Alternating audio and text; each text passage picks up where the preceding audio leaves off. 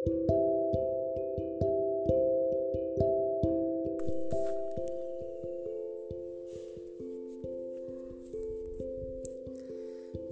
berjalan menyelusuri lorong sekolah. Tak nampak satupun kesedihan di wajahnya. Ya, yang setiap hari Jani lakukan di luar rumah. Ia selalu berlaku seakan-akan tak ada yang terjadi. Seakan-akan semuanya baik-baik saja. Dan seakan-akan hidupnya penuh dengan kebahagiaan. Namun dalam hatinya, tak ada satupun yang tahu bahwa dia sedang terluka bahwa dia sedang menangis dan dia selalu bertanya, "Kenapa, Bu? Kenapa? Kenapa Ibu membeda-bedakan aku? Kenapa, Ibu? Kenapa? Kenapa Ibu tak menyayangiku? Kenapa, Bu? Kenapa? Kenapa Ibu selalu memarahiku, bahkan dengan kata-kata yang seharusnya tak Ibu katakan? Apakah Ibu membenciku? Sepertinya Ibu sangat membenciku." Tapi apa yang membuat ibu membenciku? Aku selalu menyayangi ibu. Sejak kecil, aku selalu mencintai ibu. Sebagaimanapun perlakuan ibu padaku. Ibu ibu adalah tetap dewi bagiku. Itulah yang selalu berputar di dalam hati dan pikiran gadis itu. Beberapa langkah di depannya terdapat seorang wanita sebaya dengannya. Dia tersenyum ramah pada Jania. Jania pun membalas senyumannya. Hai Jania, dia melambaikan tangannya ke arah Jania. Hai Maya, kau belum masuk kelas? Tanya Jania. Belum, aku masih menunggumu. Apa kau menangis lagi? Matamu begitu sembab. Ucap Maya seraya menengok mata Jania yang semakin mengecil karena terlalu lama menangis. Uh, aku baik-baik saja Maya. Apa kau tak melihat senyuman di wajahku? Elak Jenia sambil menunjukkan deretan gigi putihnya. Tak usah membohongiku. Aku tahu semua ini pasti karena ibumu. Kenapa kau tak pernah mau katakan semuanya pada ayahmu? Aku tak tega melihatmu berlalu seperti ini. Ucap Maya merangkul Jania. Wajahnya nampak khawatir melihat keadaan Jania. Maya adalah sahabat Jania sejak dia duduk di kelas 7. Mereka memang tak pernah sekelas, bahkan sampai saat ini. Tapi kelas mereka selalu bersebelahan sehingga mereka selalu menghabiskan waktu bersama pada saat jam istirahat. Aku baik-baik saja, Maya. Sungguh, kau tak usah mengkhawatirkan aku. Aku tak mau membuat ayahku cemas. Dan lebih penting lagi, aku tak mau membuat ayah dan ibuku bertengkar lagi. Sudah cukup aku melihat ayah dan ibuku bertengkar karena aku. Aku tak mau pertengkaran itu terjadi lagi. Jawab Jania menahan air matanya. Kau sungguh kuat, aku kagum padamu. Apa pun keputusanmu, aku selalu mendukungmu. Jangan bersedih kalau kau masih memiliki aku. Maya tersenyum sambil memeluk sahabatnya. Air mata Jania pun menetes tepat di kemeja putih Maya. Terima kasih Maya, kau adalah penenangku. Terdengar suara Jania bergetar karena menahan tangisnya. Bel masuk pun berbunyi. Treng-treng, sudah kuhapus air matamu. Sekarang masuklah ke kelasmu. Kita bertemu di istirahat nanti. Oke? Perintah Maya tersenyum ke arah sahabatnya. Baiklah, bye Maya. Jania berlari kecil, mama Jania berlari kecil memasuki kelasnya sambil melambaikan tangannya ke arah sahabatnya. Maya masuk ke dalam kelasnya. Ia duduk di bangkunya dan seketika terdiam. Hatinya merasakan kesedihan yang dialami oleh sahabatnya. Kau hebat, Jania. Kau wanita yang kuat. Kau tak pernah membenci ibumu, walaupun ia selalu bertindak tak adil padamu. Walaupun dia selalu memarahimu, walau dia selalu mencaci makimu. Kenapa ibumu seperti itu? Apa yang menyebabkan dia membencimu? Aku rasa kau anak yang baik. Kau selalu menuruti semua perintah ibumu. Aku berharap kau selalu menjadi Jania yang kuat, Jania yang selalu menyayangi ibunya, walaupun dan apa pun yang akan terjadi.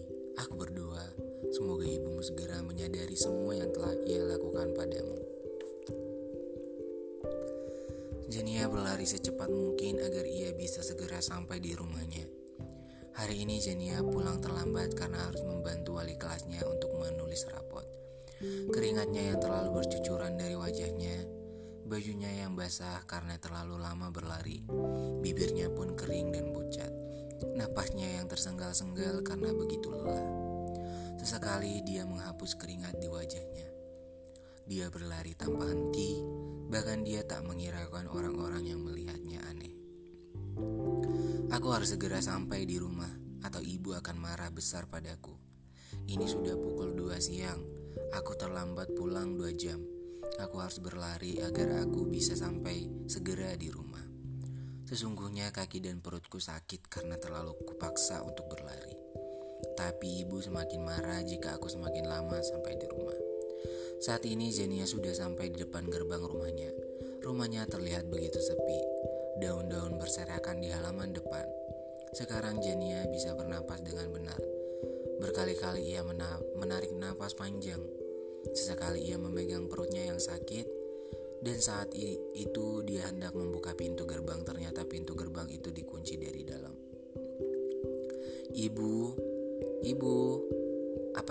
dalam? Tolong bukakan pintunya, bu. Aku tidak bisa masuk. Panggil Jania. Namun tak ada jawaban apa pun. Dari dalam rumah hanya terdengar suara televisi. Ibu, Nia pulang bu. Tolong bukakan pintu bu. Nia mau masuk. Teriak gadis itu dengan napas yang masih merasa lelah. Namun lagi-lagi tak ada jawaban dari dalam rumahnya.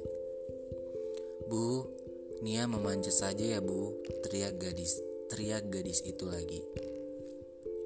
Akhirnya Jania memutuskan untuk memanjat gerbang rumahnya yang lumayan tinggi dan tajam. Dia melempar tasnya yang terlebih dahulu, lalu menaiki gerbang itu. Perlahan dia menaiki gerbang itu beberapa kali ia sempat hampir terjatuh, namun tangannya memegang kuat pintu gerbang itu. Saat hendak turun, tangannya tersangkut di sela pintu, sehingga ia terjatuh, tangannya terkilir dan terluka. Darah segar mengalir dari pergelangan tangannya. Jania hanya meringis, merasakan sakitnya luka di tangannya. Jania berjalan ke depan pintu rumah, namun ternyata pintu rumahnya itu dikunci.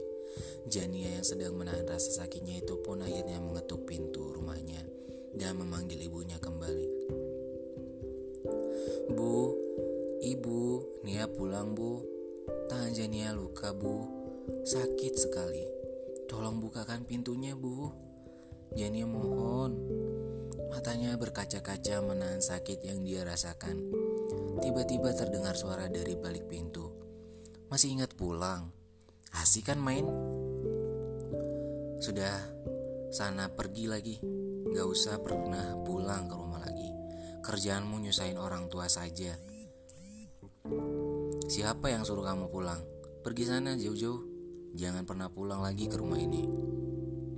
Jantung Jania terasa terhenti sesaat mendengar perkataan yang baru saja ibunya katakan. Bu, maafkan Nia, Bu. Nia tadi sekolah di sekolah membantu guru. Sungguh ibu, Nia tidak berbohong. Aku tidak pergi bermain. Ibu maafkan Nia, Bu. Tolong buka pintunya. Tanganku perih, Bu, sakit.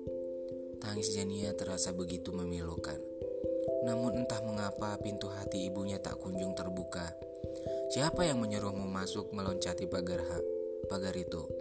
Ibu sudah sengaja mengunci semua pintu agar kamu tidak bisa masuk. Kenapa kamu memanjat pintu gerbang? Pergi kamu dari sini. Ibu tidak mau memiliki anak yang suka berbohong. Kau itu hanya merepotkan tahu. Tak ada gunanya kau ada di rumah ini. Teriak ibu Jania. Nampaknya ibu Jania benar-benar marah dengan anaknya saat ini. Jania hanya terus menangis dan memohon agar ibunya dibukakan pintu rumahnya. Ibu, ibu, ibu maafkan Nia bu. Nia janji bu nggak akan pulang telat lagi. Tolong bukakan pintunya bu. Jangan usir aku bu. Nanti siapa yang membantu ayah bu? Bu, Jania mohon bu.